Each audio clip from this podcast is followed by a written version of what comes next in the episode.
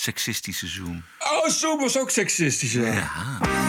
This is the TPO podcast. D66. Zonder Sydney Smeets minder verbindend. Het besluit was onvermijdelijk. Vliegtuigen uit Brazilië blijven welkom in suicidaal Nederland. In juli zou deze variant misschien wel 10% of nog meer kunnen zijn. En Hans Kraai zegt sorry. Ik maakte wel eventjes een, eh, een verkeerde opmerking door te zeggen van hij heeft een goede achternaam ervoor. Die, die moet ik even terugnemen. Afle- aflevering 244. Ranting and Reason. Bert Brusson, Roderick Phalo. This is the award winning TPO podcast. Vrijdagochtend 16 april. Ja. Hallo. Je, je zou bijna moe worden van, van de week. En dan moet je ook nog eh, de podcast maken. Maar dat geeft dan toch weer energie. Merk ik, merk ik aan mezelf. Maar wat, wat hebben we een hoop te verstouwen met z'n allen. Man, man, man, man, man. En al die woke tips. Oh. En het houdt gewoon niet op. Alles, alles is, al, is racistisch vandaag. Zelfs kaas ga je straks merken. Oh ja, oké. Goed. Zoom, kaas, alles moet, moet kapot, wat is racisme. Ja. Ehm, ja, we spelen niet graag op de man, maar eh, laten we toch maar meteen beginnen met het ex-Tweede Kamerlid en strafrechtenadvocaat Sidney Smeets. Het was een, eh, een nare dag, een moeilijke dag. Het besluit was onvermijdelijk. Maar als u bent geschrokken door de aard en omvang van de klachten, had dit dan toch niet naar boven moeten komen in de gesprekken bij die kandidaatstelling?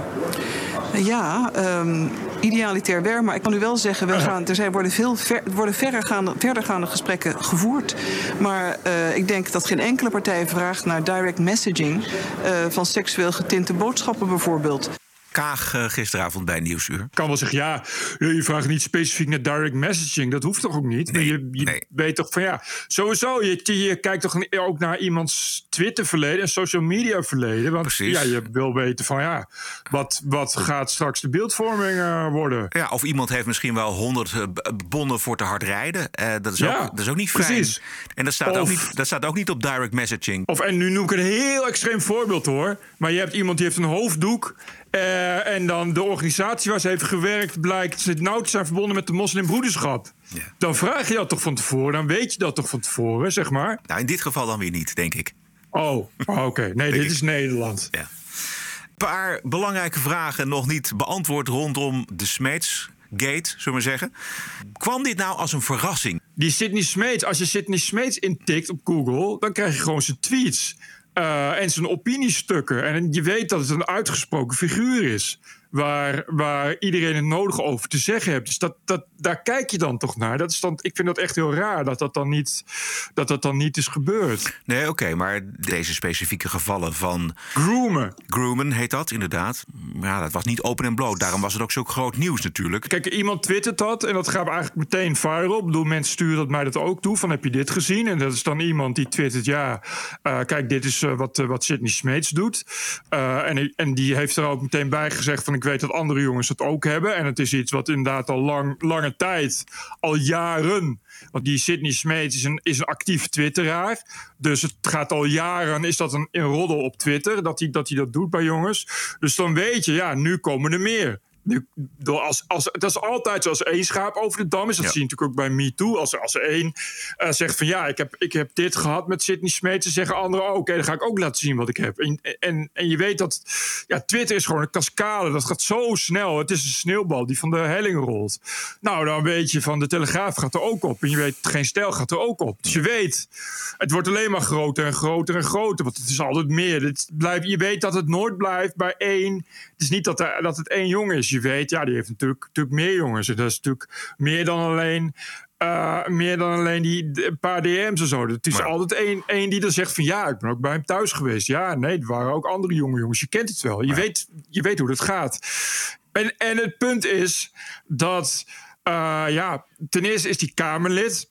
Dus dat maakt het natuurlijk, natuurlijk twee keer zo, zo sappig voor media om, om erop te springen. Maar nog belangrijker is dat het Sidney Smeets is. Dit is iemand die eh, dag in dag uit niets anders heeft gedaan dan laten zien hoe hij deugt. Eh, en mensen hinderlijk lastigvallen met zijn wapperende, midden, met zijn wapperende wijsvinger om, om te vertellen hoe anderen moeten deugen. Dus je weet dat er een heel batterij, echt nou batterij, een hele divisie aan mensen klaarstaat om als het even uitkomt eh, wraak te nemen op Ja, Sidney Smeets. Nou, precies. dat moment doet zich dan voor, dus dan weet je, nu gaat het mis. Ja, nu gaat dat het is, mis. dan weet je dat de situatie onhoudbaar is, omdat hij heeft zoveel vijanden. Ja. Eh, en ik moet zeggen, ja. Ik heb ook met popcorn een beetje zitten kijken hoe zich dat ontwikkelde. Ja. Ik bedoel, maar ja, niet. ik vind die Sidney Smeets in de kern een beetje een aandoenlijke man. Het is volgens mij een beetje onzekere, zielige meneer ook. Maar ja, Het probleem is dat hij ook echt persoonlijke aanvallen deed. Hè. Weer Duk is bijvoorbeeld van de Telegraaf, verslaggever van de Telegraaf, is echt voortdurend aangevallen. Iedereen wordt in de rechtse, extreemrechtse hoek eh, geplaatst. Dat was een soort handelsmerk van Sidney Smeets. Als je met hem Precies. aan de stok kreeg, nou, dan moest je je echt wel eh, bergen. Want hij ging gewoon maar door. ik zal even een momentje hoor. Ja, ga verder. Nou ja, ik zit even te kijken over Weer Duk. Die had op een gegeven moment Jan van der Beek geïnterviewd over de hoge kosten van de immigratie. Nou, dat is typisch zo'n zo'n zo'n zaak waar dan Sidney Smeets op aanslaat. En dan tweet Sidney Smeets: Ach, arme Wierduk.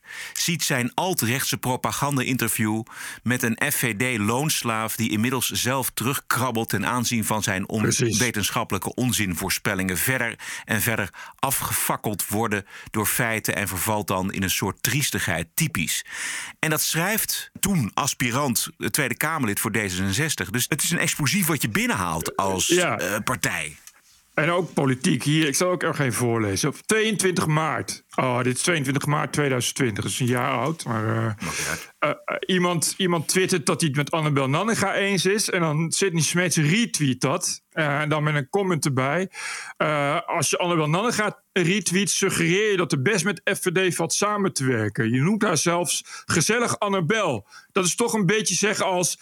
Die Hitler was ook niet tof, maar met die autobanden had hij wel een punt. Weet je, Ja, dit, soort tweets. Ja, dit, dit, Ja. en, en daarom is het leedvermaak zo enorm groot nu. Precies. Heel Nederland. Maar wat, wat verwacht je dan dat Ja. mensen gaan doen? Ja. Weet je, eh, ik zag ook allemaal mensen zeggen... ja, maar, maar eh, straks pleegt hij zelfmoord en zo. En eh, dat, dat snap ik. Ik, vind ook wel, ik had op een gegeven moment ook wel dat ik dacht... van je, je moet eigenlijk bijna medelijden met hem hebben. Zoveel, zo hard hij nu valt. Maar ja, ik dacht wel van ja, wat, wat verwacht je anders dat mensen gaan doen dan? Je kan niet, als je je hele, als je je hele leven dat doet...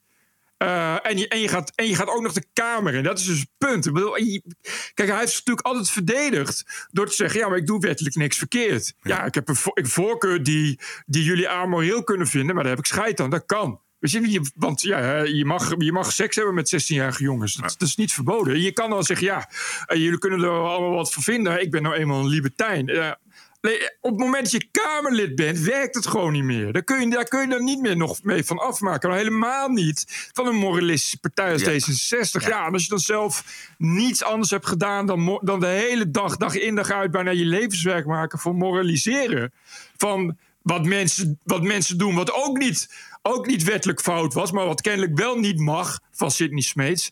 Ja, dan zijn mensen blij als ze van je af zijn. Mensen zijn keihard. Ja, Want, precies. ja, en de eh, boemerang is ook keihard. Eh, dus dat is wel verklaarbaar waarom het zo hard gaat de afgelopen week met deze eh, Smeets.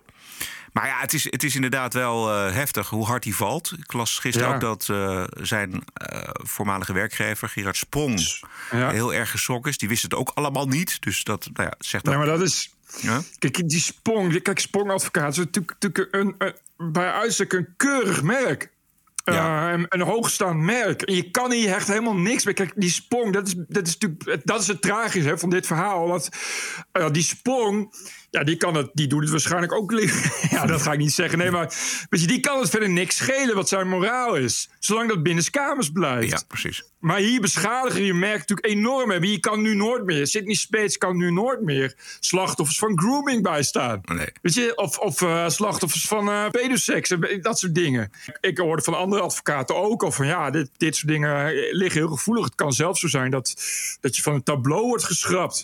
Omdat je daar. eh, ja, kijk, er is net toch een eh, advocaten in Nederland hebben een vrij hoogstaande ethische, hoe zeg je dat, ethische moraal waar je eh, ja, toch een beetje aan moet houden. Eh, en eh, dit, kijk, eh, dat kan zomaar heel erg misgaan. Ik denk ook van ja, wat, wat, eh, wat heeft hij al die tijd gedacht? Ik, dat vooral, waarom ga je dan eh, de Tweede Kamer in? Weet je, dan weet je toch van ja, ik, ik, ik ben daar niet. Dat, ik snap dat gewoon. Nou, niet. weet je, volgens mij werkt het zo dat je dat echt niet in de gaten hebt. Als je daar zo- lang mee bezig bent, dan denk je van ja. Ja. Dan denk je dat het normaal is. Of dan, eh, dan, ben- nou ja, dan ben je blij dat je er weer eens eentje binnenhaalt. zullen we zeggen. En, Ja, maar- en dan denk je van ja, dit is mijn manier en dit is, zo doe ik het. En misschien is het wel een hele eenmaal eenzame man. Eh, ik bedoel, volgens mij heeft hij geen relatie. En eh, ja, ik, Nee, ik vind hem is- ook af en toe een beetje eh, zielig eruit zien. Ja, ja. Ja, Ja, maar, maar, behoorlijk. En dan ik begrijp, ik begrijp de vraag wel van jou. Van ja, weet je, je, je, je weet dat je wordt doorgelicht. Je weet dat je kwetsbaar bent als Kamerlid. En zeker van een partij van D66. Maar het geldt voor, Ja. voor alle partijen. Maar en dan zo hoog van de moraal toren tetteren. En inderdaad, ik ben advocaat. Ik weet hoe de wet in elkaar zit. Dus ik, zolang ik me aan de wet hou, is er niks aan de hand. Ja, maar goed, je gaat, je gaat voor D66. Ik denk, Kijk, eh eh, Annabel Nanninga was ook iemand met een Twitter-verleden en, eh, en een uitgesproken verleden. Die, die, nou goed, die ging niet die Kamer in, maar toch, weet je, die, die ging ook de politiek in. Maar ja, dat was bij FVD. Dus bij FVD zeiden ze, ja, prima. We, weten, we, we, we weten wat je verleden is en wij kunnen dat aan. Maar D66 lijkt me een heel andere partij. Ja. En dan... dan eh, ja, ik denk dan altijd bij mezelf, ik ga toch ook de Kamer niet in. nee. maar los, los van dat ik dat na één dag eh, al gezien zou hebben. Ja, als je dan, da- da- je kan dat toch niet met je verleden wat je hebt, dan weet je toch, dan weet je toch dat dat gezeik gaat opleveren dan. Ja, of je zit moreel zo hoog op het paard dat je denkt: dit doe ik ook allemaal goed. Ja, dit kan ik uitleggen of zoiets. Ja, maar Ja. Dat je, ik snap gewoon niet dat je dat dan denkt. Dat je denkt van, ja, ik kan het uitleggen. Ja, ik ben, vijf, ik ben, ik ben wel oud die man? 40, 44? 45. Ik ben 45 en val op, val op minderjarige jongetjes. En, dat, en, en dat, dat praktiseer ik ook. Dan, ik snap niet dat je dan denkt dat je dat kan uitleggen in het he- Nederland van nu. Het, het is geen 1970 meer. Nee. Wat ook natuurlijk ontzettend vervelend voor hem is, is dat al zijn voorgaande acties voor die pedovereniging en voor zijn tweets over pedoseksualiteit, Ja. wat niet strafbaar is, dat dat nu allemaal op zijn plek valt. En dat maakt het Precies. eigenlijk allemaal nog veel erger, zeg maar, de beeldvorming rondom Smeets. Ja. En dat verklaart ook voor een deel natuurlijk waarom Spong nu zo voorzichtig is. En, eh, Het is toch een beetje, eh, toch een beetje Michel Foucault. Ja, ja precies. exact, ja, moest ik ook aan denken. Ik bedoel, die zocht in nog jongere eh, jongetjes. Maar ja, het zijn inderdaad wel de moraalridders die nu onderuit gaan. En, eh, Ja, en maar het zijn Smeets was- telkens de moraalridders die onderuit Ja, gaan. En dat ja. valt natuurlijk extra op. En Ja. dat, maakt het natuurlijk, dat maakt het natuurlijk extra sappig. En dat we met, zeker sinds, si- nou, ja, goed, zeker sinds MeToo... eh, natuurlijk, natuurlijk iedereen daar bovenop zit. En, en social media daarvoor echt als een grote aanjager geldt. Ja, nou, en dan wel telkens dit soort, dit soort paladijnen van, van, eh, van de Ivoren Torens blijken dan eh, uitgerekend, uitgerekend zij blijken daar de Ja. grootste, grootste aanstichters van te zijn. Ja. Ook te verwachten natuurlijk. Het zijn altijd de dominees die vieze Ja, dingen doen. ja, precies, precies. Doe me denken aan eh vader Ted Haggard. Dat is een belangrijke pastor, een christelijke born-again eh, evangelische pastor. Die was ook persoonlijk adviseur van, eh, van de laatste, laatste George Bush-president. Eh, die, die was eh, ja, echt een uitgesproken christen die vooral fel tegen, tegen drugs en homoseksualiteit was. Dat wel, Eh, die werd op een dag betrapt terwijl hij crack aan het roken was met een minderjarige jongenshoer. Geen grap. Geen grap, maar dit is echt dat je, Ja, dat je denkt, het is bijna niet. Je verzint het bijna Nee, niet. nee, zo, zo erg, zo ridicuul is, dat, is, zijn dat soort mensen dan. Ja. Even terug naar D66. Eh, wat is die partij te verwijten en wat is de schade eigenlijk? Want dat is natuurlijk nog veel interessanter. Hoe groot is de schade voor D66? Eh, Kaag die eh, liet er toch eigenlijk wel eh, weinig twijfel over dat zij onmiddellijk vond dat Smeets moest vertrekken. Heeft u ook aangedrongen op zijn vertrek? Ik heb een aantal indringende gesprekken met Sidney Smees gevoerd. Ja. Dit, ja, ze, Ja. ze houdt het keurig. Ze zegt, ze zegt niet van, ik heb hem de laan uitgestuurd. Maar zij blijft een diplomaat natuurlijk. Ze heeft wel snel gehandeld. Ja, zeker. Nee, maar dat kon ook niet anders. Ik dacht ook van, weet, je, dit kun je niet over het weekend heen trekken. Je kunt, het, weet, dat, wordt, dat is zo'n enorme schade. Precies. Je moet snel handelen in dit geval. En dan is het ook nog een backbench natuurlijk. Het is, het is, Ja. niet, het is niet je nummer twee, dus het is eh, eh, niet al te veel harm dan. Bovendien, eh, bovendien heeft, ze, heeft ze natuurlijk nog geluk dat het net begonnen is. Ja, ja. Als, hij- als hij er al acht maanden zit Ja. en eh, als woordvoerder al stevige uitspraken heeft gedaan, misschien wel eh, over, over wetten en, eh, en dat soort dingen, Ja. is het natuurlijk nog, nog dramatischer. Dus wat dat betreft hebben ze nog geluk. Plus dat hij nu maar drie maanden wachtgeld meekrijgt, maximaal. Ja. Dat scheelt, dat scheelt natuurlijk ook. Anders krijg je weer. Oh, ja, dat, want als hij langer dan drie maanden zit, krijgt hij twee jaar wachtgeld mee. En nu maar een half jaar. Speaking of. Ja. Uh, uh, MeToo, er was ook nog een andere. Heb je het gezien? Ja. Iemand, van de, iemand van de NOS. Ja, een verslaggever. Die- Martijn een van der. Zande. Ah, Jij noemt hem, want eh, ik kreeg net een boos mailtje van de NOS. Of we de naam Martijn van der Zanden niet willen noemen op Oh, ja? Wat Oh. ik heel raar vind. Ik zeg het omdat de naam overal op Twitter eh, Ja, staat. Maar goed, dan nog vind ik het wel een interessante discussie. Want er zijn beschuldigingen. En we weten dat eh, iedereen veroordeeld wordt voordat er nog maar ook eh, echt iets is vastgesteld. Er is iets voor te zeggen om die naam niet te noemen. nee, dat, dat, dat, ben ik met je, dat ben ik met je eens. Eh, alleen, ja, ik, ik, Heeft, jij, jij, jij denkt, die naam circuleert al rond, dus waarom zou ik eh, hypocriet doen en het hebben over Martijn van der Zet? ja, dat. Het is altijd zo, zo, zo hypocriet. Maar er staat ook veel op het spel natuurlijk voor de jongen. Voor Nee, iedereen dat- dat- die hiermee te ja, maken maar dat, krijgt. dat snap ik. Maar, maar ik vind, kijk, ik, ik ben een fan van, van, de, van Amerikaanse journalistiek. Dat je gewoon man en paard noemt. En ik, ik snap dat je, dat, dat je ook, dat als je verdacht bent, je bent onschuldig, dat je daar, eh, eh, dat je daar schade door, door oploopt. Maar anderzijds valt er ook veel voor te zeggen dat je gewoon het recht hebt om te weten wat man en paard is. Als burger, dat je ook recht hebt om te weten welke medeburger waarvan verdacht wordt. Ja, maar dan zet je ook geen rem op de verdachtmakingen... waar we natuurlijk voortdurend mee te maken krijgen... ook in de hele woke-tijdperk waar we in zitten. Dat je, dan, dan kan je ook met een nepbericht... eh, enorme reputatieschade aanrichten. Nou ja, maar goed, dat is precies. Maar dat is dus het punt ook waar we nu in terecht zijn gekomen. Ja. Dat is ook het punt van internet natuurlijk. Want die, eh, die, die gast mailt mij van ja, de Telegraaf en de Volkskrant en het AD hebben de naam ook weggehaald. Ja.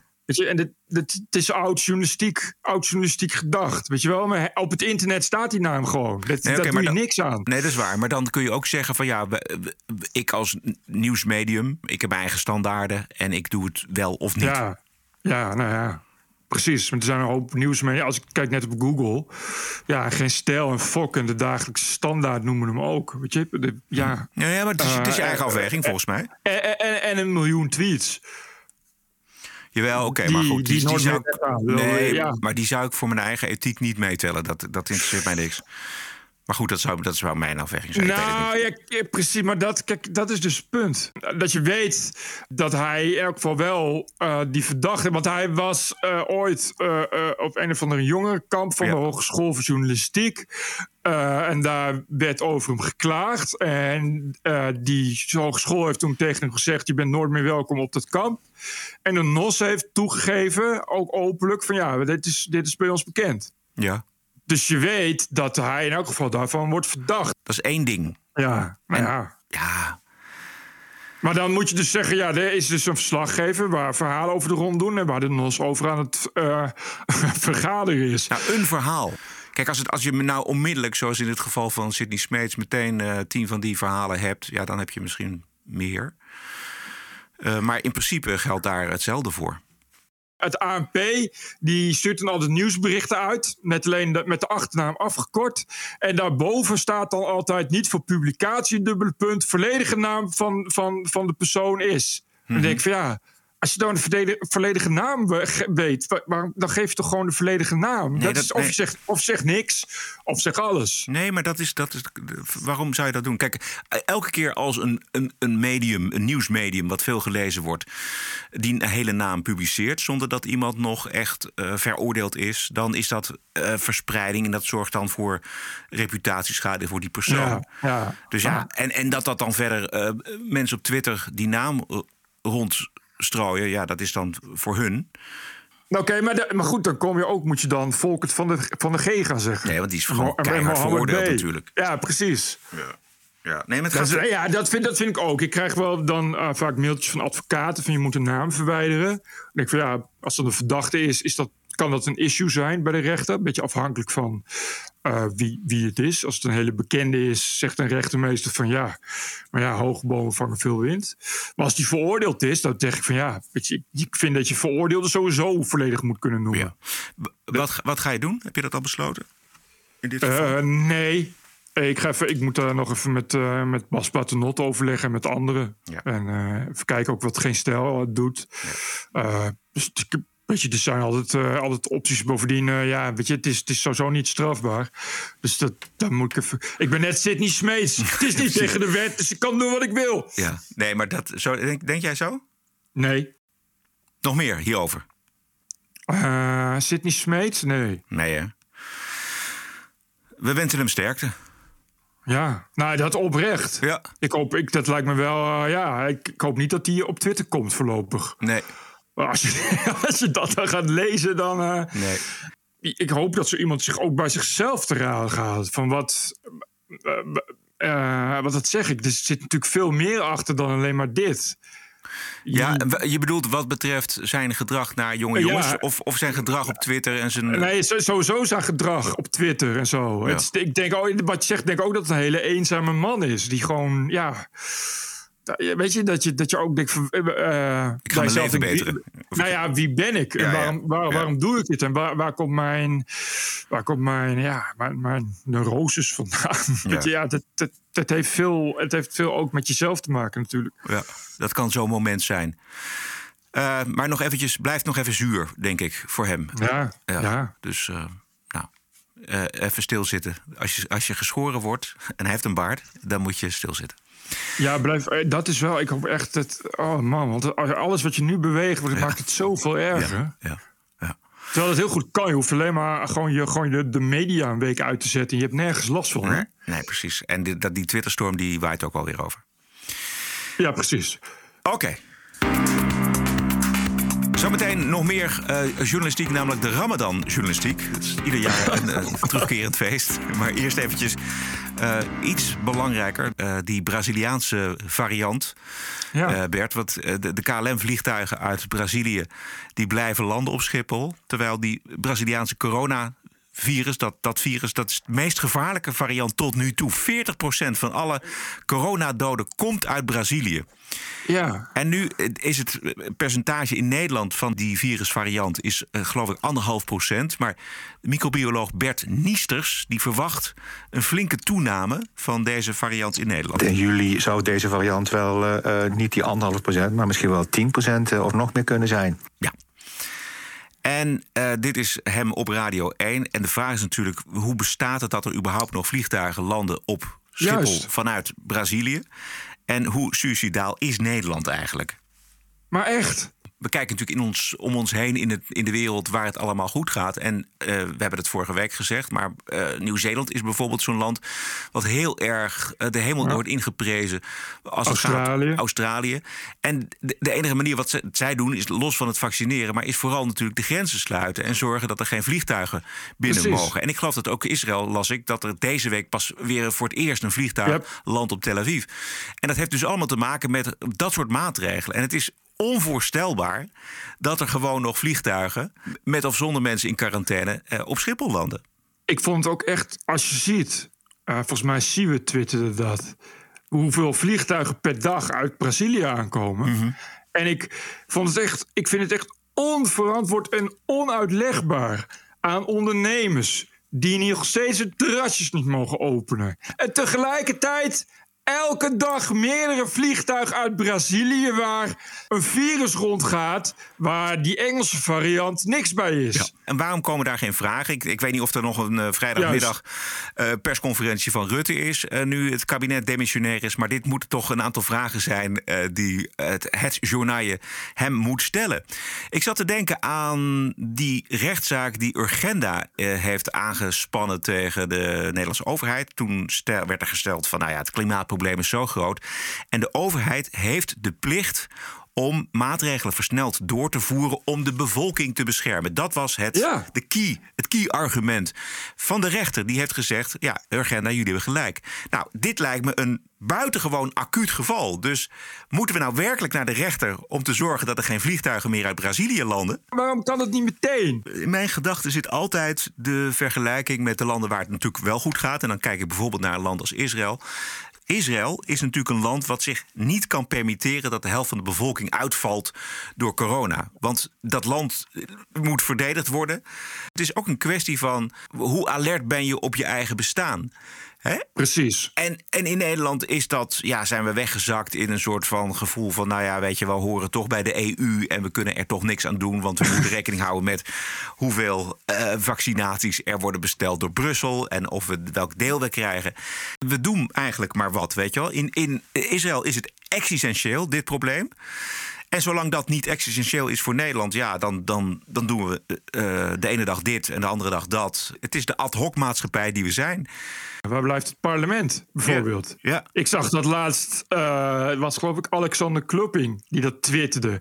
Van eh, hoe is het mogelijk dat, dat er nog, nog steeds geen Kamermeerderheid is voor een motie van wantrouwen voor, voor Hugo de Jonge? Ja. Hoe is dat toch mogelijk? En dan heeft hij helemaal gelijk. En hoe kan dat nou? Ja. Het is toch geen eens een motie van afkeuring? Weet je, Nee. dan, waar, waar blijft de woede? Waar blijft de ophef? Waar blijft in godsnaam de controle van het parlement? Waar kiezen we die Kamerleden eigenlijk voor in vredesnaam? Hoe kan dat nou toch? Als je ministers ziet die incapabel zijn. En Broekersknol is er ook zo eentje natuurlijk. Maar Hugo de Jonge heeft dat ook eindeloos bewezen. Dan moet je als Kamer die mensen wegsturen. Dat gebeurt in het buitenland ook. Weet je wel, als, als een minister incapabel is. Ja, het is het belang van het land. Het is het belang van Echt? ons. Maar ik zie ook weinig kritische vragen in de media. Ja. Waarom liggen er geen slaggevers eh, in een tentje voor de deur bij Hugo de Jonge... om elke keer als hij naar buiten komt te vragen, hoe zit dat? Heb je al gehoord, heb je, heb je hier, heb je al gelezen hoe het in, in eh, Brazilië aan toe gaat? Heb je gezien wat Bert zegt over, over de toename van, van dat virus? Want als dat straks 15% is, eh, als je ziet hoe het op de Braziliaanse IC's gaat... Ja. dan kun je er donder op zeggen dat het hier net zo'n feest wordt op de IC's. Dan heb je code black, is daar nog, is daar, is daar nog lief bij vergeleken. Point taken. Ik wil eventjes. We zouden bijna vergeten dat het vaste maand is. Want Het is ieder jaar hetzelfde liedje tijdens de vaste maand voor moslims. Vreselijk. Het Nederlandse journaal gaat in de telejak-stand en ruimt pagina's en zendtijd in om uit te leggen wat Ramadan dan is. Ieder jaar klinkt op de redactie de vraag: wat gaan we doen aan Ramadan? Ik heb dat meegemaakt. RTL Nieuws laat dit jaar een islamitische Oh, tv-kok serieus? het uitleggen. Tuurlijk. NRC die schrijft dat Ramadan is eh, meer dan alleen niet eten en drinken. De islamitische Het vaste maand. reinigt je ziel. Ja, precies. Het is een moment Shoot van bezinning. En bij het Radio 1-journaal eh, kwamen ze er eerst niet uit, maar toen zei iemand: vaccineren. Is dat niet in strijd Och. met het vasten? Want je mag niks eten, maar mag je dan wel iets toegediend krijgen via je aderen? Vreselijk. En het ging eh, lekker lang over dit onderwerp in het Radio 1-journaal. S morgens vroeg. Afgelopen dinsdag was dat. Maar in verband met onze eigen zendtijd een klein fragmentje. dat wat je binnenkrijgt eh, via een andere, andere route, bijvoorbeeld via een injectie of eh, oogdruppels, oordruppels, et cetera, dat dat geen voedingsstoffen mag bevatten. Dus het gaat om wat je binnenkrijgt, namelijk eh, geen voedingsstoffen. En hoe je dat binnenkrijgt, namelijk via een andere route dan de neus, mond en keel. Ja, dus een prik mag eh, gewoon. Precies, dat is inderdaad heel ko- eh, kort. Is iedereen het met die interpretatie eens? Goeie vraag. Het antwoord mag u raden. Interpretaties. Nee, de helft van de moslims las ik alweer. eh zijn toch bang dat het, eh, dat het haram is, die injectie. Waarom moet het ieder jaar uitgebreid op een telejak-toon gaan over Ramadan? Het, is, nou, het wordt elk jaar erger, ten eerste. En ten tweede, dat je ook denkt.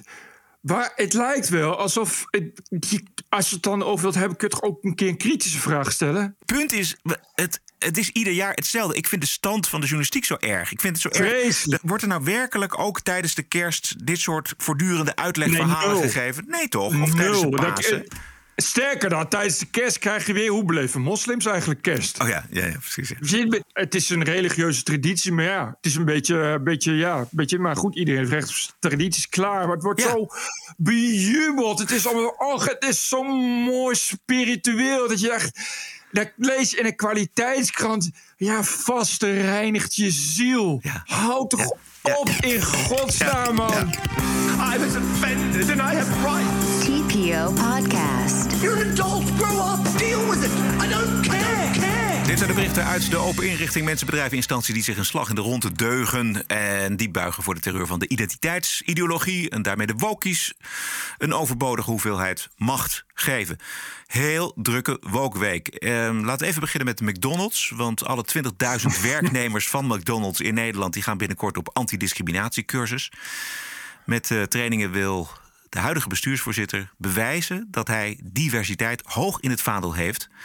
En volgens hem heeft McDonald's een verplichting om de restaurants en de maatschappij rechtvaardiger te maken. En dat vind ik ook, Bert. Ja, ik ook heel goed. Wist je hoeveel liter water er wordt gebruikt voor één hamburger? Eh, honderden, denk ik. 8000 liter. Jezus. En de hamburgers voor de Nederlandse McDonald's... die worden geproduceerd in een fabriek in Zuid-Duitsland. En daar rollen er elke dag 5 miljoen stuks van de band. Dus reken maar uit. De grootschalige vleesproductie leidt tot meer uitstoot van broeikasgassen... een enorm hoog waterverbruik, zoals net gezegd... en de kap van het regenwoud. Dus McDonald's, als je iets wilt doen voor het milieu... en voor een rechtvaardige wereld, sluit de tent... Een antidiscriminatiecursus helpt helemaal niks. De tent moet je dichtgooien, dat is een stuk rechtvaardiger. En wordt de wereld beter van. Wat is mijn gedachte? Eh, ja. Ik, ik bedoel, je verkoopt geen hamburgers meer en je bent van een enorm probleem af, volgens mij. Dan hoef je echt, het scheelt echt, echt miljoenen kilo's vlees per jaar. Wat eh, miljoenen kilo's, miljarden kilo's CO2-uitstoot scheelt. Ja, you name it. Het is echt, eh, McDonald's is natuurlijk een enorme vervuiler op alle facetten. Dus, dus als je echt inclusief wil zijn, eh, stop gewoon met, met, met McDonald's. Hef jezelf op. Exact. Ken je Idris Elba? Ja. Dat is een zwarte acteur die acteert in eh, Luther. Een geweldige serie waarin hij een, een, age- een politieagent speelt. Of, of een detective. Idris Elba is volgens eh, de BBC Diversity Chief. Uiteraard heeft de BBC een Diversity Chief. De. Eh, Idris Elba is wel heel goed dat hij zwart is. Maar hij is niet op de juiste manier zwart. Hij is verkeerd zwart. Eh, ehm, en dat moet anders, want Idris Elba in de serie, bijvoorbeeld in Luther, heeft hij helemaal geen zwarte vrienden. En hij eet bijvoorbeeld ook helemaal geen Caribisch food. Het is een letterlijk citaat. Dus we hebben nu wel zwarten in onze series, maar die gedragen zich niet als zwarte. Die moeten veel meer voldoen aan de stereotyperingen. Dus het is dan leuk als je een zwarte hebt, dat je ook af en toe watermeloen eet, bijvoorbeeld, en van basketbal houdt. En heel veel kinderen heeft en meerdere vrouwen, ik noem maar eens wat. Eh, je zou denken, hé, hey, dat is een beetje racistisch, dat soort stereotyperingen. Maar dan ken je de woke-beweging nog niet. Want als je dat niet doet, dan is het weer niet een echte zwart. Dan is het weer een veel te witte Ja, zwart. ja, ja, het is zo'n geweldig verhaal dit. Ik geloof dat de BBC eh, iets van meer dan 100 miljoen pond, eh, 130 miljoen euro eh, voor projecten heeft waar diversiteit een belangrijke rol speelt. Het vermijden van stereotypen, dat dat nu het probleem is. Ja, nou moet het weer, nou moet het weer stereotyp. Ik ben benieuwd hoe het straks met vrouwen gaat. Dat is misschien eh, wordt dan nog een dingetje. Weet je, dat je wel overal vrouwen hebt die aan de top zijn, maar niet de hele tijd huilen als kritiek krijgen. Dat is natuurlijk ook weer niet te doen, want dat is weer niet echt genoeg. Ja. Dan krijg je een serie met, de- met, de- met, een vrouwelijke, vrouwelijke CEO. Maar die moet je dan wel elke avond zien huilen. Met de kinderen bezig zien zijn achter de strijkplank. Want anders is het weer geen echte vrouw. Weet je wat ook racisme is? Alles is racisme. Nee, kaas. Oh. Kaas is ook racisme. Eh, want dat zegt, eh, dat zegt de Britse eh, Extinction Rebellion Millennial Dramgroep. De, de, dat is de, de klimaat, Ja, ja. Er anti-klimaatverandering van. protest. Die hebben er verstand van. Melkproducten op scholen moet veel minder. Want bijvoorbeeld kaas is dus enorm racistisch. Want lactose-intolerante mensen zijn vaak zwart, bruin, geel, maar niet blank. Ja. Aldus Extinction Rebellion uit Brighton en Hove in de UK. Eh, en daarom moeten scholen eh, meteen stoppen met melkproducten geven. Ah, Want ja. eh, als scholen dat maar blijven doen, dan worden de zwarte kindertjes worden ziek en de blanke kindertjes niet. En dat is ongelijkheid en racisme. Ja. Dus kaas, mensen, beginnen niet aan. Blijf eventjes in dit kader in eh, Groot-Brittannië. Want de Telegraph die meldt dat op de Universiteit van Hull... aan docenten is gevraagd om voortaan spelfouten... en grammaticale blunders over het hoofd te zien... als onderdeel van een Ja. inclusief beoordelingsbeleid. Als, oh nee, als onderdeel van het decoloniseren. Ja, hè? van de het leerplannen, decoloniseren van het onderwijs. Ja, onvoorstelbaar. Inclusieve aanpak moet zorgen voor gelijke kansen voor alle studenten, ongeacht hun achtergrond. En daarom wordt afgeraden om onder alle omstandigheden aan te dringen op goed geschreven Engels. Goed taalgebruik, zo stelt de universiteit, kan worden gezien als homogeen, Noord-Europees, wit, wit, mannelijk en elitair. Ja, nou, dit is nog maar het begin. Het is, ik vind al heel wat dat je nog, eh, dat je nog punten mag gebruiken in zinnen. Want punten Ja. zijn enorm kwetsend eh, en autoritair. Eh, dus het zou mooi zijn als ook dat wordt doorgevoerd in het eh, dekolonisatie van onderwijsplan. Dit is een goed begin. Ja. Je moet niet hebben dat mensen straks nog normaal kunnen spellen, bijvoorbeeld. Nee. Je, het onderwijs is toch al zo fantastisch. Eh, als mensen van de basisschool komen, dan kan de helft tegenwoordig al niet meer normaal lezen en schrijven.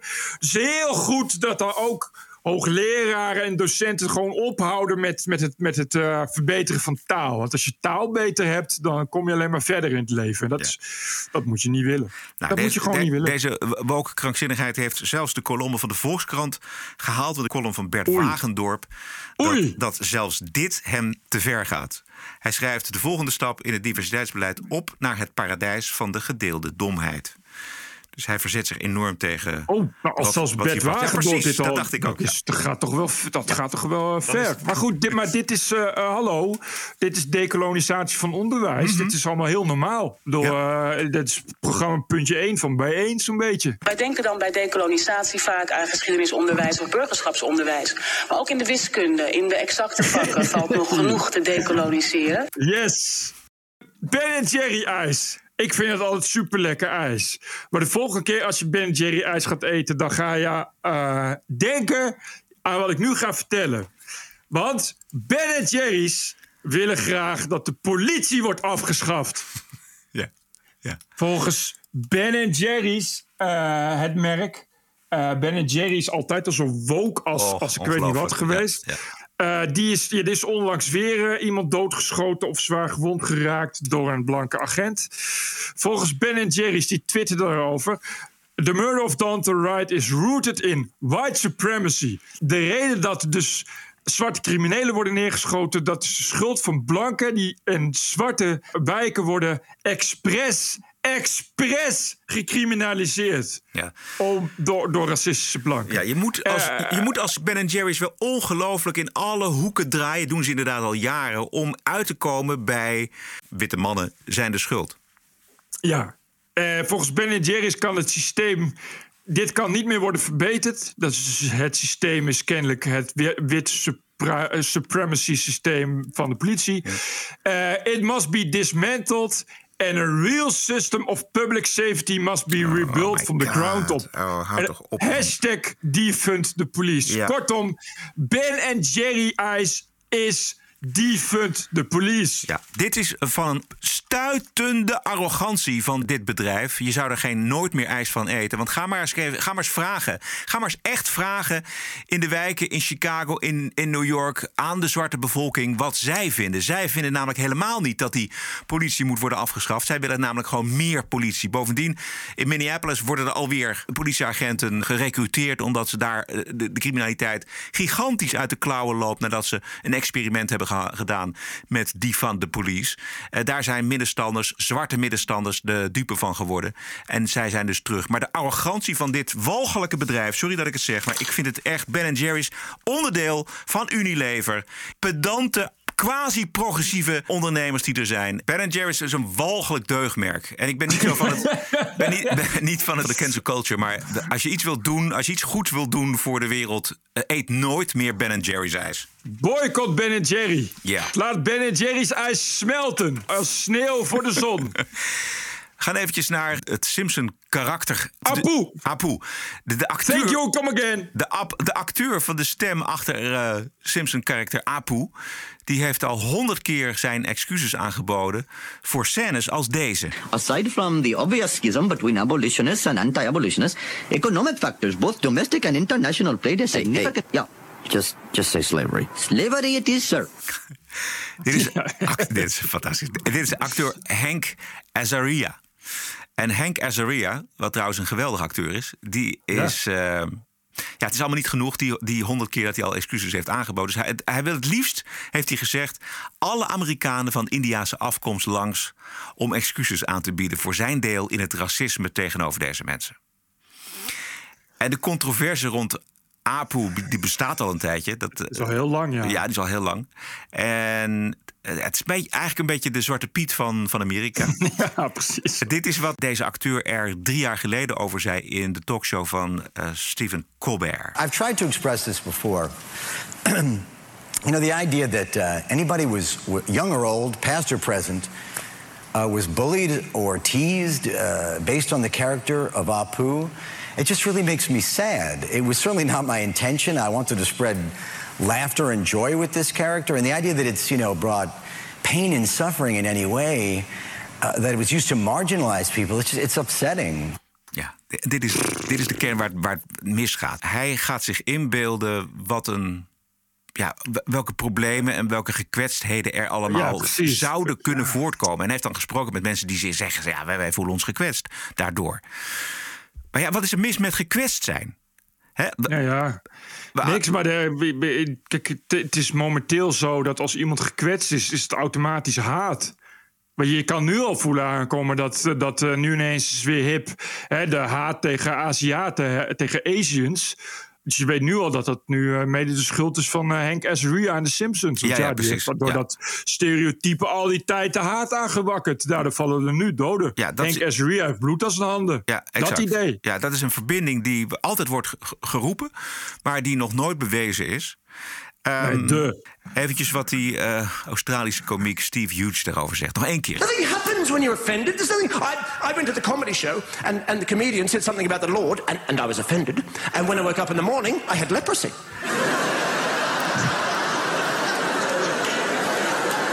nothing happens. I want to live in a democracy, but I never want to be offended again. Well, you're an idiot. Uh, John Cleese had ook over getwitterd. Die had uh, van Monty Python, die had getwitterd dat hij zijn excuses maakt aan alle blanke Britten die hij in zijn carrière met Monty Python had gekwetst. Ja, ja, ja die is er ook helemaal klaar mee. Oh, volgende. Next. Oh. Uh, Oké, okay, nog. Ik heb een hele lijst. Uh, maar wat leuk is, is dat ik het allemaal online ga zetten. Want ik kan oh, het okay. gewoon niet meer kwijt. Okay, en uh, ik heb nu toch een mooie webshop met, het, met een mooie blog erbij. Dus ik zoek er nog even een paar uit. En de rest kun je, Ja. moet je dan zelf maar teruglezen. Ja. Want er zitten ook vaak Ja. screenshots bij. Zo, dus kan ik niet van. Ehm, het merk Evian. eh, nu we het toch over de Ramadan journalistiek hebben. Het merk Evian, dat is een soort spa. Die verkopen flesjes water. eh, zegt sorry voor het aandringen op drinkwater tijdens de Ramadan. Fuck. Echt waar? Ja, eh, het merk Evian is het onderwerp geweest van veel kritische en aanstootgevende berichten. eh, ophef dus. Nadat een tweet werd gedeeld waarin mensen werden aangespoord om water te drinken. Dat is wat Evian, die maakt dan reclame van wa- veel water drinken is goed voor je. Drink Evian. Toen de Ramadan begon, voelden internetgebruikers zich zichtbaar beledigd. En dat is allemaal in het Frans. Uh, maar uh, die zeggen uh, nu: Hallo op Twitter, hallo, dit is het team van Evian. Wij willen sorry zeggen voor de ophef die we hebben veroorzaakt voor onze tweet. En we wilden niemand kwetsen. Want het is, ja, nou ja, die, dit, je begrijpt, het is tijdens de Ramadan een beetje aandringen op water drinken. Ja, dat is, Maar, is, is islamofobie. Ja, precies, islamofobie. Maar, maar er is ook geen moslim die dat zo opvat. Die, die, hè? Dat is, er is niemand die dat bedenkt. Oh, op? Twitter wel. Ja? Oh, Natuurlijk. Oké, ja, maar na, na de suggestie van, van Evian natuurlijk. Nog meer excuses. Hans Kraaij junior. die deed maandag bij Veronica Insight uh, excuses aanbieden. Het ging over het trainen van het Nederlands dameselftal. En dat elftal dat zou dan eventueel getraind worden door trainer Cor Pot.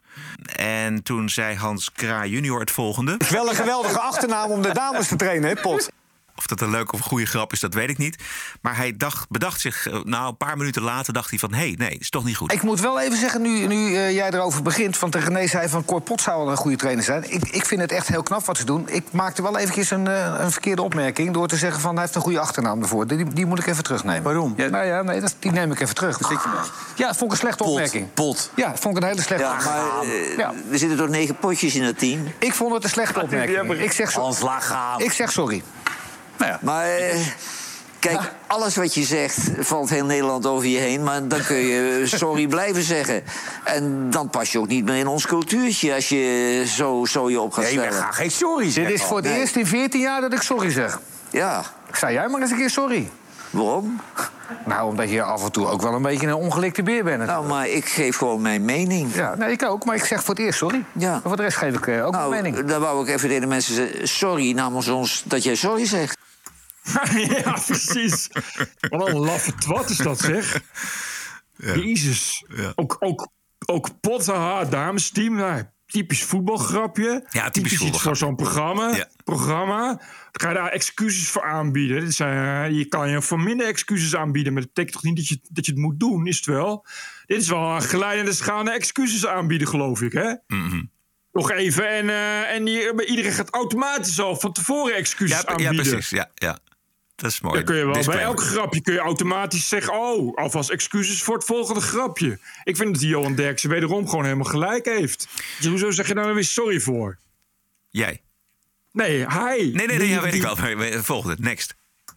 Oh, ik ga een mailtje voorlezen. Ja. Beste Roderick en Bert... Ik ben student aan de Universiteit van Groningen... waar ik onder andere, onder andere een aantal literatuurvakken volg... Uh, enige tijd geleden bespraken wij De Bron van Eenzaamheid van Radcliffe Hall.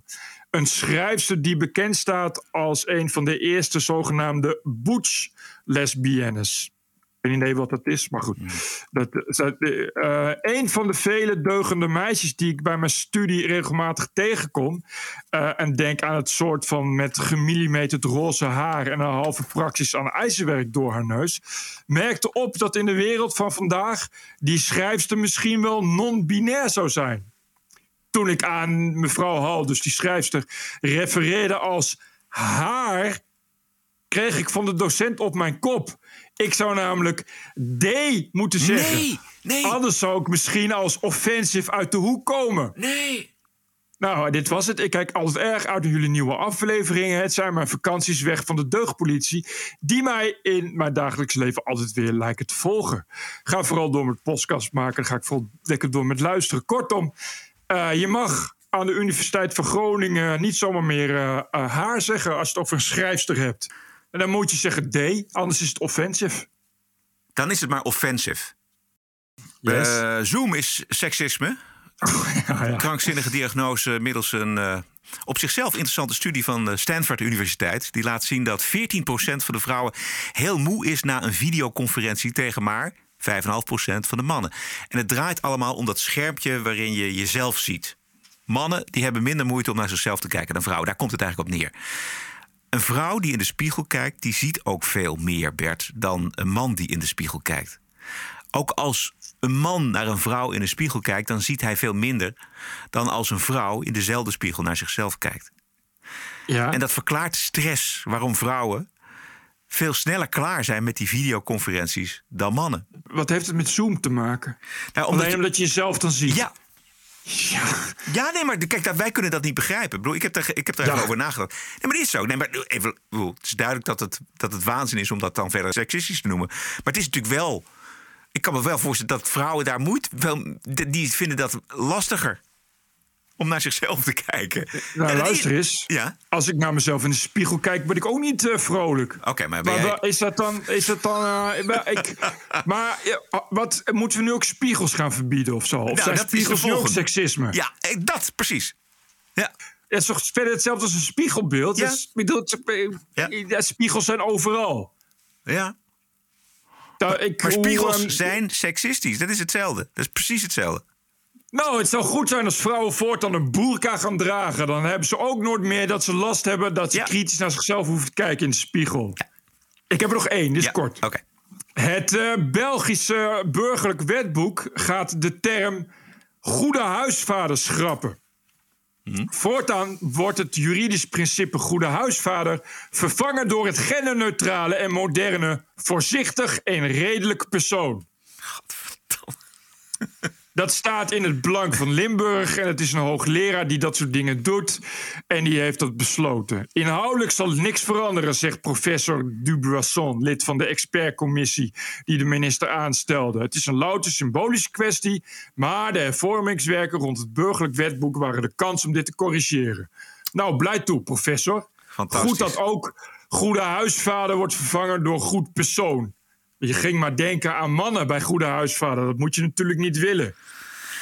We doen er allemaal niet aan mee. Iedereen, we zijn vrij om er aan mee te doen. Ook als het gaat om dus eh, voornaamwoorden.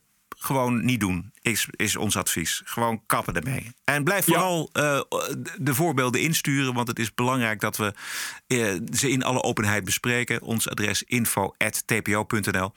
En Bert zet ze dus op de website tpopodcast.nl.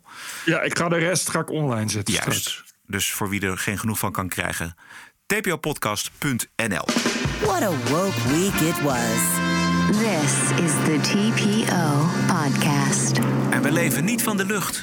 Dit is de TPO-podcast. Een eigenzinnige kijk op het nieuws en de nieuwsmedia. Twee keer per week, elke dinsdag en elke vrijdag. 100% onafhankelijk. Want zonder reclame en zonder een cent subsidie. The award-winning TPO podcast. Wat is het jou waard? Een euro per aflevering? 104 euro per jaar? Of kies zelf een bedrag? Waardeer en doneer op tpo.nl slash podcast. De. Wat is het je waard? TPO Podcast. Ladies and gentlemen, the President-elect of the United States. This is CNN breaking news. We have never, ever, ever, ever failed in America. It's an incredible way of putting it. Telling the truth matters. It's an incredible way of putting it. This is a Russian intelligence disinformation campaign. Why isn't Joe Biden angrier about all of this? How stupid can you be? This is a classic example of the right wing media machine. It just lacks credibility. Go ahead. We hebben het dinsdag gehad over de nieuwe voting laws in Amerika. Wetgeving in een aantal staten die mensen moet verplichten een identificatie mee te nemen naar het stembureau, zodat mensen niet twee of drie of vier of vijf keer kunnen stemmen. Republikeinen zijn daarvoor, Democraten zijn daartegen en noemen de nieuwe wetgeving racistisch, omdat zwarte Amerikanen moeilijker aan een ID zouden kunnen komen en dus niet zouden kunnen stemmen. Nou, we hebben dinsdag laten horen hoe totaal voorbarig en neerbuigend die veronderstelling is. We hoorden progressieven roepen dat zwarte Amerikanen niet eens weten hoe internet werkt. en actueel is nu de staat Georgia die de wetgeving inmiddels heeft doorgevoerd. En grote Amerikaanse bedrijven die hebben nu een boycott ingesteld tegen Georgia. Ja, niet zomaar bedrijven. Nee, de grote. Coca-Cola. Amazon. Uh, Amazon. Uh, vliegtuigmaatschappij Delta. En uiteraard Starbucks. En Netflix. Ja. En dat zijn multinationals die over de hele wereld zaken doen met regimes die niet eens verkiezingen hebben, zoals China.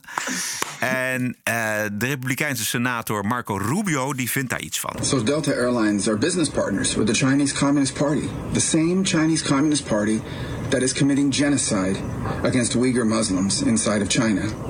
So I look forward to a letter today from their CEO telling everyone that what the Chinese Communist Party is doing with genocide is unacceptable. I look forward to that letter saying that genocide does not reflect the values of Delta Airlines.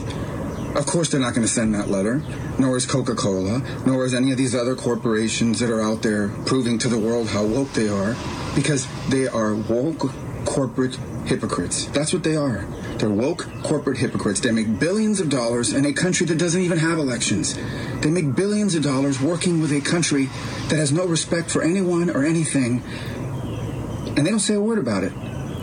But in America, they're prepared to boycott a state and condemn them publicly to show and prove how woke they are. They're hypocrites, complete and total hypocrites. Dit is waar. Dit is 100% waar. Volledig waar. Maar het is een uh, heel, heel eng signaal, hè? dit soort bedrijven die zo groot en machtig zijn, dat we er niet zonder kunnen dat die zich nu actief met politiek gaan bemoeien. Exact, dat is precies ook wat ik dacht. Van hoe, waar waar de, de arrogantie, de bemoeienis van deze grote bedrijven... met welke wetten worden aangenomen en welke niet. Weet je Maar wat dat- echt, Ja, waar bemoei je je mee? Ja. In godsnaam. Ga, ik, ik, dat is, dat is, nou, ja, dit, dit gaat een serieus probleem worden. Ja, denk het ook. Dit is de democratie aan de kant schuiven. Roepen deze democratische meerderheid die heeft geen gelding. We, we, hebben, we hebben wettenmakers, eh, volksvertegenwoordigers en die, die zetten we aan de kant. Want wij vinden dat eh, deze wetgeving niet kan. Ja, maar het zijn wel bedrijven waar je niet, niet zomaar tegenop kan. En waar je ook dus in, in het liberale Amerikaanse systeem als overheid ook niet zo heel snel iets tegen kunt doen. Dus als die bedrijven dit doorzetten, eh, wordt dat wel een probleem. Ja. Want voor Georgia is dat een probleem. Als die bedrijven besluiten, gaan jullie boycotten. Als Netflix eh, straks zegt, we gaan geen Netflix meer doorgeven in Georgia. eh, Dan heb je een probleem. Ja, nou, dat, dat is niets. de- de- ik Nee. geloof, het gaat om dat bijvoorbeeld zo'n vliegtuigmaatschappij Delta... Die heeft dan zijn hoofdkantoor in Atlanta, dus in Precies, Georgia. ik snap het. Coca-Cola Maar stel, stel, eh, stel je voor, dit is, dit is de, de macht die dit soort bedrijven hebben. Welke kant het dus kan opgaan. Ja. Ik zou denken dat er ook. De boel is heel erg van kijk, ons is deugen. Dus als je het erop aan laat komen. Hè, stel dat Georgia zou zeggen: Nou nee, wij, dit is gewoon Dat is onze waar. wet. Eh, En, en kijken hoe, of ze dan ook inderdaad echt weggaan. Of ze die verhuizing gaan doen. Want dan. Moeten ze het plaatje maken van wat gaat het ons kosten? En waarschijnlijk zal ze de aandeelhouders zeggen van... nou jongens, dit is waanzin, een verhuizing van het hoofdkantoor uit Georgia... ergens anders heen, dat gaan we niet doen. Ja, dus dan worden ze teruggefloten. Georgia kan zeggen, weet je wat, wij gaan geen zaken meer met jullie doen. Laten we het daar eens over hebben. Ja. Weet je, Kijk, en ja, weet je, maar even kijken hoe blij eh, Delta Airlines is als Georgia zegt, je mag hier niet meer landen en starten. Eh, of iedereen die in Georgia woont eh, zegt van ik ga voortaan wel met United. Of weet ik veel wat. Weet je, ik ben benieuwd hoe principieel ze dan nog zijn. Ja, exact. Ja. Ja. Eh, overigens, ik heb even gekeken naar eh, wat die wet inhoudt. Die, die, het is een hele lange wet met, met ik geloof 100 pagina's zo'n beetje. Eh, maar wat er gebeurt is dat ze gewoon regels willen stemmen aan, aan een soort Wild West idee van verkiezingen en stemmen. Dus het is vooral inderdaad dat je niet langer meer eh, zomaar bij elk stembureau kunt gaan stemmen. Maar dat je, dat je hè, dus, dus moet afspreken waar ga, ik, waar ga ik stemmen. Niet meer zomaar als je mensen machtigt, dan moeten die mensen zich duidelijk legitimeren. Er moet er meer toezicht komen op, op, eh, op stembureaus eh, en stemmen. Het is een hele, hele reis van regels die wij in Nederland al heel lang heel normaal vinden. Dus het is ook niet zo dat het nu echt typisch republikeinse regels zijn, waardoor inderdaad voor een grote minderheid eh, het stemmen wordt bemoeilijkt. Het is, gewoon, het is gewoon niet waar. Het wordt gewoon, die regels worden gewoon gemaakt zodat het organisatorisch vlekkeloos verloopt. En dat je dus, dat hebben we de vorige keer gezien, dat je dus niet straks bij weer bij allerlei staten allemaal gezeik hebt, omdat dingen waarvan dan weer blijkt dat het niet goed is gegaan. Maar het is heel zorgelijk, Bert, dat daar in Amerika niet gewoon een inhoudelijk debat over gevoerd kan worden tussen Juist. Democraten en, en Republikeinen. Dat is verschrikkelijk. Dat het meteen op de wagen van de emoties wordt gegooid. Maar, en, dan, en dan ook nog door dit soort bedrijven. Ja. Ik kreeg van onze man in New York, Kees, kreeg ik een mooi voorbeeld van een succesvol bedrijf dat werkelijk scheid heeft aan die hele woke terreur. Ja. En dat is eh, eh, Coinbase, een van de grootste platformen in de wereld eh, Ja. voor cryptomunten. Ehm, ging deze week naar de beurs, naar de Nasdaq. En hun CEO, Brian Armstrong, die heeft gezegd... ik ga geen politieke en sociale standpunten innemen. No Heel fucking verstandig. way. Ja, ik eh, ben er om mijn bedrijf te runnen.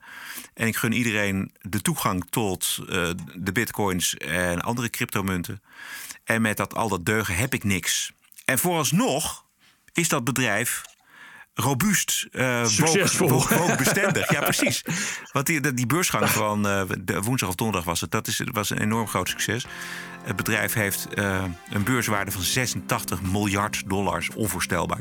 Kijk. Dus dat is meer dan, dan bijvoorbeeld de BP, oliemaatschappij British Petroleum. Uiteindelijk hoop ik maar dat het kapitalisme dat woke juk van zich afschudt. En gewoon weer gaat doen wat ze moeten doen, namelijk business. Ik snap ook niet waarom zou je dat willen. En je hoeft ook, ook niet eh tegendeel in te nemen. Je hoeft gewoon niks te zeggen. Je hoeft alleen maar te zeggen, ja, ik ben een bedrijf. Geen, ik ben geen, geen politiek, politieke afdeling. En je kunt best natuurlijk eh, zorg dragen voor je omgeving en voor je werknemers en voor eh, het milieu, voor Ja. het klimaat. Allemaal prima, heel goed. Maar daar hebben we het hier niet over. Hier hebben we het over laten zien hoe je deugt. Ja, ik snap gewoon niet waarom, waarom de consument het allemaal blijft trekken. Die moet toch ook een, ook een keer kotsmisselijk worden van die hypocrisie? We zijn er wel klaar mee, volgens mij. Ja. De TPO-podcast is te vinden op onder meer Spotify, Apple Podcast, iTunes en natuurlijk tpo.nl. Zeer veel dank voor eh, de ondersteuning van ook deze aflevering 244. Post kan naar info.tpo.nl en waardering kan op tpo.nl slash podcast. Terug zijn wij dinsdag 20 april. Stay cool en... Tot dinsdag.